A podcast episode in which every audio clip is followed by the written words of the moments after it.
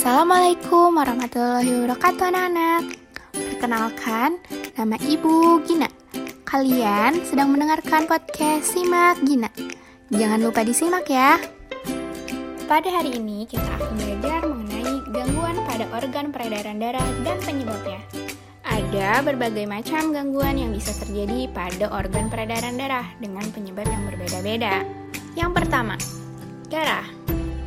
Gangguan yang bisa terjadi pada organ darah ini yang pertama yaitu anemia atau sering disebut sebagai kurang darah. Sebenarnya anemia adalah kondisi saat tubuh mengalami kekurangan sel darah merah sehat. Selain itu, anemia juga bisa dianggap sebagai kondisi saat sel merah dalam tubuh tidak bisa bekerja atau berfungsi dengan baik.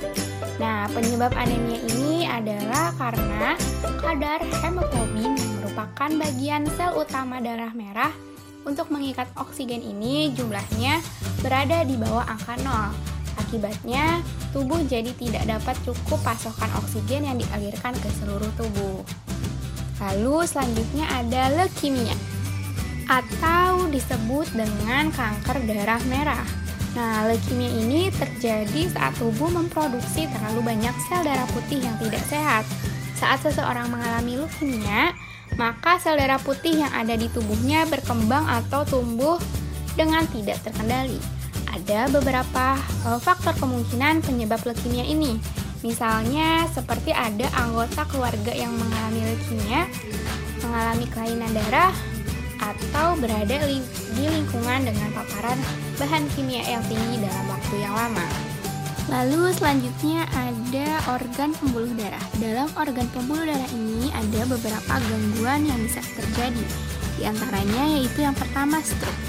Stroke ini terjadi saat ada gumpalan darah yang menyumbat pembuluh darah arteri di otak.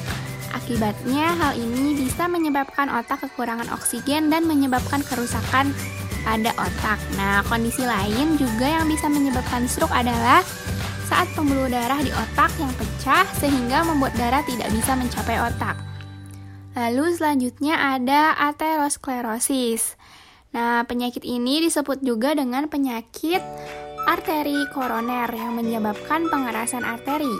Gangguan pada pembuluh darah ini disebabkan karena adanya flek yang menumpuk di dinding pembuluh darah arteri. Nah, tumpukan flek ini kemudian membuat e, aliran darah jadi terganggu. Pada pembuluh darah ini bisa terbentuk dari lemak, kalsium, maupun kolesterol. Nah, selanjutnya ada organ jantung. Nah, di organ jantung ini bisa terjadi serangan jantung yang merupakan salah satu gangguan paling umum terjadi pada organ peredaran darah manusia, yaitu jantung. Serangan jantung ini merupakan kondisi tubuh di mana peredaran darah menuju jantung terhambat atau tersumbat sama sekali. Akibatnya, sel-sel pada otot akan mengalami kerusakan karena tidak adanya pasokan darah dan menuju oksigen. Maksudnya, tidak adanya pasokan darah dan oksigen menuju jantung. Lalu selanjutnya ada gagal jantung. Selain serangan jantung, gagal jantung juga merupakan gangguan yang bisa terjadi pada jantung. Berbeda dengan serangan jantung, kondisi gagal jantung ini adalah saat jantung terlalu lemah uh, untuk menompa darah ke seluruh tubuh. Penyakit gagal jantung ini biasanya terjadi dan berkembang secara bertahap, yang diawali dengan penyakit lain, misalnya darah tinggi atau diabetes. Itulah berbagai gangguan yang bisa terjadi pada organ peredaran darah manusia serta penyebabnya. Terima kasih sudah mendengarkan. Semoga bermanfaat.